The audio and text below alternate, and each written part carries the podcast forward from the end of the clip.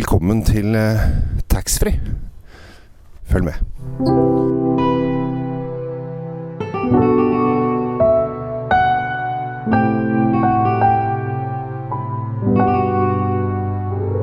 Hei og hjertelig velkommen til ukens episode av Kjells eh, vinkjeller. Jeg er nå inne på taxfree-en på eh, Color Line. Jeg er på vei til Tyskland, eller egentlig er jeg på vei til Italia.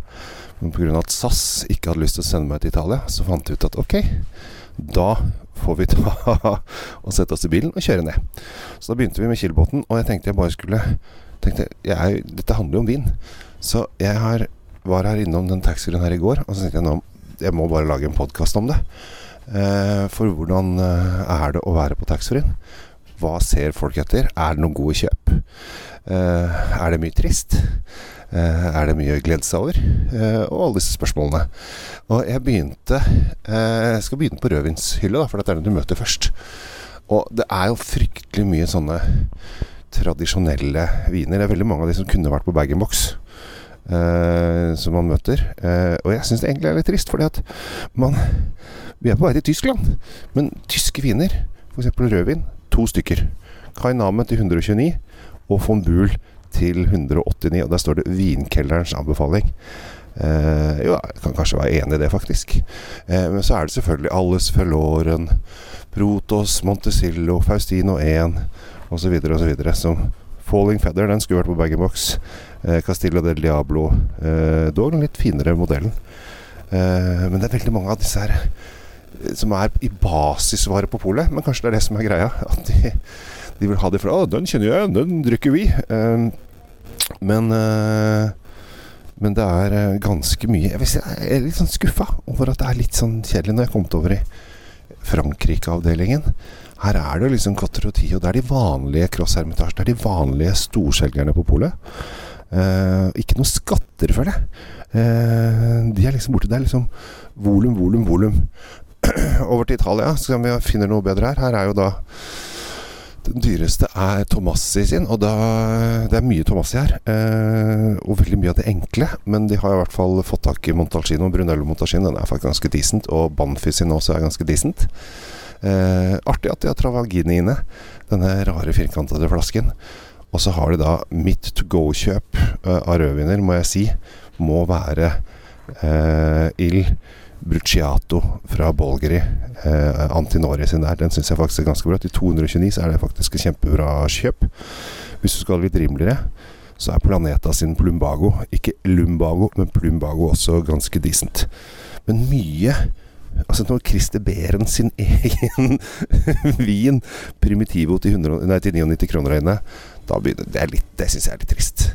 Eh, så er det selvfølgelig Masi, Sonin, alle disse storprodusentene her inne på, på, på fronten her. Og har vi da special offer. Det er litt gøy. Her er verdens kjedeligste hylle. Det er to Rosendal-glass. Det er jo faktisk ganske fint. Eh, det er en Østerrike Ja, det er kanskje ikke så dumt, men så er det Markede Nummer Villa, Norges mest solgte vin. Dag på flaske til 89 kroner. Eh, special offer La Roche Chardonnay L, Norges mest solgte hvitvin, til 104 kroner. Det er ikke noe special offer, dette her. Montecillo, er det 1981 omgang. Nei, det er 2014. Ikke noe spesielt der heller.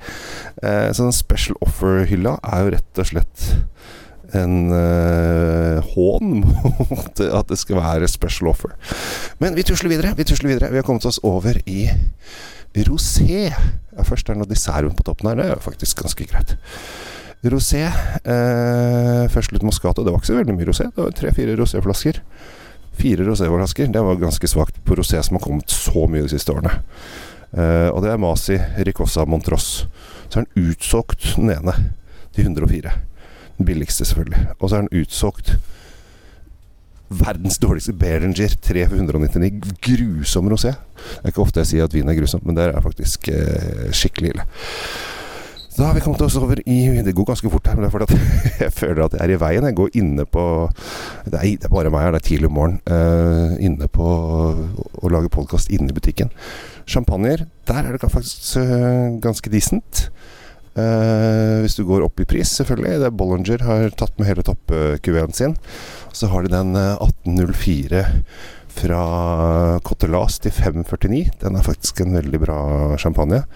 Men det er jo ikke det folk kjøper. Folk kjøper Proseccoen som står på hylla ved siden av istedenfor. Fortsetter over kremantavdeling, eller museerne som det. Der er det Martini Astin, ser ut som har blitt tatt godt av, og Proseccoen også nesten ikke noe igjen. Eh, Ellers så Freksne også. New Timber er gøy at de har. Det skal de, det skal de få pluss i boka for. Og så har de da Norges mest solgte eh, Delorme Cremante Bourgogne. Den har de stacka opp til 150 kroner. Da er det white wine til slutt. Jeg kan begynne med det Tomassi er her. Matua, Red Tree, Masi, Gato Negro, Kung Fu Girl. Eh, de har veldig, som sagt, veldig mye av de tradisjonelle som jeg kaller litt kjedelige. Robert Mondravi faktisk eh, er ikke det dummeste eh, chardonnayen der. Og så snur jeg meg og håper jo på å finne en sinnssyk tysk selection, i og med at vi er på vei til Tyskland. Men her dukker fort Black Tower opp. Og den Hva er det som er tomt her? Her er Three Monkeys er selvfølgelig tom. Uh, men uh, veldig litt sånn Det er Dr. Lusen og de har Fombul og et par sånne tyske. Men det er også Trimbach og uh, en del fransk uh, Arne Montrachet fra Louis Chardot og sånn. Det er jo faktisk greit, ganske greit. Men alt i alt så blir man litt skuffa. Fordi at det er Det er ikke noen skatter her. Det er liksom bare volum, volum, volum. Uh, masse av det er helt decent volum. Uh, men man blir liksom litt sånn Kom igjen, da. Uh, hvorfor er ikke Tysklands hylla større? Vi er til Tyskland vi skal. hvorfor, hvorfor er det den italienske hylla nok en gang som er størst? Hvorfor er det viner du alltid ser på polet? kan du ikke utfordre folk? Kan ikke folk bli litt mer nysgjerrig? Det er noen innimellom som Oi, det var overraskende. Ellers så er det jo tomt for Tree Monkeys og en del av disse bestselgerne. Black Tower overraskende full. Det gleder meg. Så det er dagens.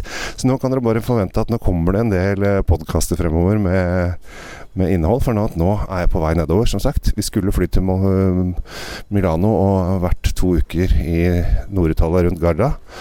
Istedenfor skal vi være over en uke i Nord-Italia rundt Garda. Men vi kjører opp og ned. Og neste stopp er Wurzburg. Og for dere som er gode i tysk geografi, så vet dere at det er silvanerens hovedstad. Skal vi se da om jeg greier å få lov til å bruke ferien til å lage noen podkast på det også. Tusen takk for at dere følger med. Tusen takk for at dere lytter. Tusen takk for at jeg får lov å bringe vinglede. Eh, og ikke gled deg altfor mye til taxfree-en på Color Line. Hvis du kjenner noen som jobber i Color Line, be de ringe meg, så kan vi få opp litt bedre greier her. Men problemet er at dette er jo styrt av de store pengemaktene. For dette er på en måte sånn det blir hvis Hvis uh, Hvis uh, Rema 1000 skal lage vinbutikk, så blir det sånn som dette er. Dessverre. De har veldig mye sprit, da. Men sprit, hvem er det som bryr, bryr seg om det? Vodkahylla er enorm. Så sånn er det. Takk for nå, og ha en riktig god sommerdag videre. Ha det bra.